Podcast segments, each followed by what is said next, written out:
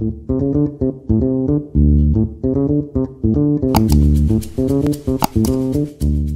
է գլոբալիզացիան։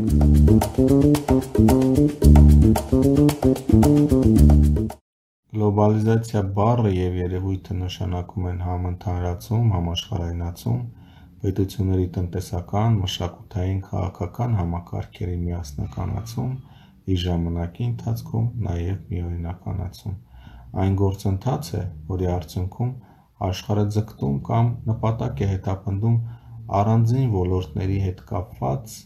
ձևավորելու միասնական համակարգեր՝ համաշխարհային կարևորության խնդիրների շուրջ մեկտեղելու համամարտկային ջանքերը: Որպես օրինակ, մարդկանց, տարաբնույթ ընկերությունների, պետությունների կառավարությունների միջև փոխազդեցության և ինտեգրման բազմոլորտ գործընթացները, հատկապես տնտեսության բնագավառում, միջազգային առևտրի և ներդրումների արդյունքում առաջացած աստիճանական միասեռության ձգտող համագործակցությունները և այլն: Արժույթի միջազգային հիմնադրամի կողմից 2000 թվականին տարանջատվել են գլոբալիզացիայի չորս ուղղություններ՝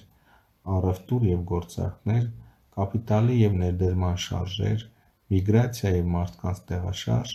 և կրթության տարածում ու սերմանում: Գլոբալիզացիայի հետ են կապված նաև այնպիսի խնդրահարույց երևույթներ, ինչպիսիք են գլոբալ տաքացումը, ջրի և օդի աղտոտվածությունը և այլն: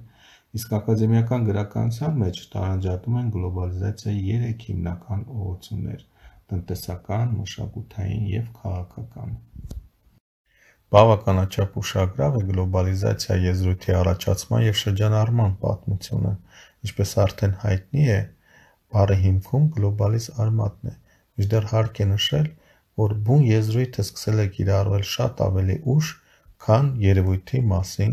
խոսակցությունները, որոնք արձանագրվել են դեռևս 1930-ական թվականներին: Առաջին անգամ 1960-ական թվականներին ֆրանսիացի տնտեսագետ Ֆրանսուଆ Պերուն իր կրթության ոլորտին առնչվող աշխատություններում երևույթի մասին խոսելիս օգտագործել է ֆրանսերեն հնչողությամբ mondialisation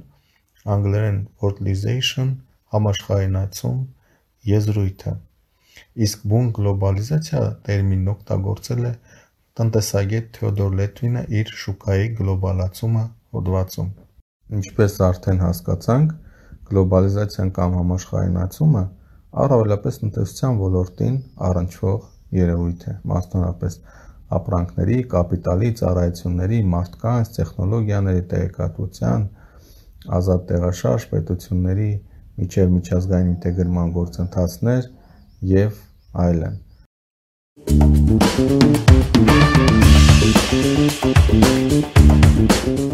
Որո՞նք են գլոբալիզացիայի լավ ու վատ ազդեցությունները: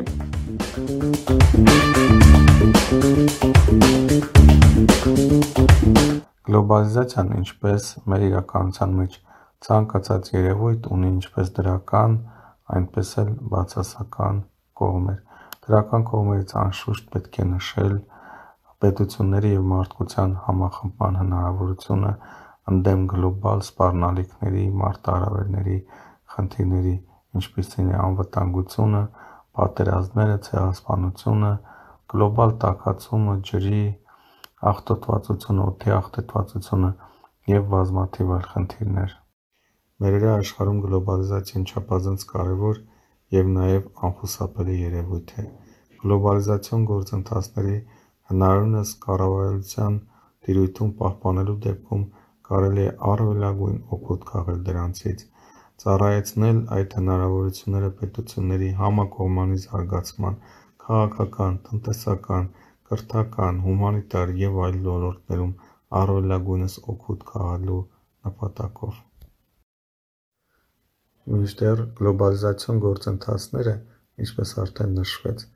դրանց կառավարելիության, վերահսկելիության բացակայության պայմաններում կարող են լրջագույն խնդիրներ, մարտահրավերներ, սպառնալիքներ առաջացնել պետությունների և ազգերի համար: Նման մարտահրավերները կարող են դրսևորվել ինչպես մշակութային ինքնության, ազգային ինքնության, կրթության, սերունդների դաստիարակության, այնպես էլ, անշուշտ, անվտանգային ոլորտում։ Պատմում էր պատմաբան Արմեն Պետրոսյանը։ Thank you.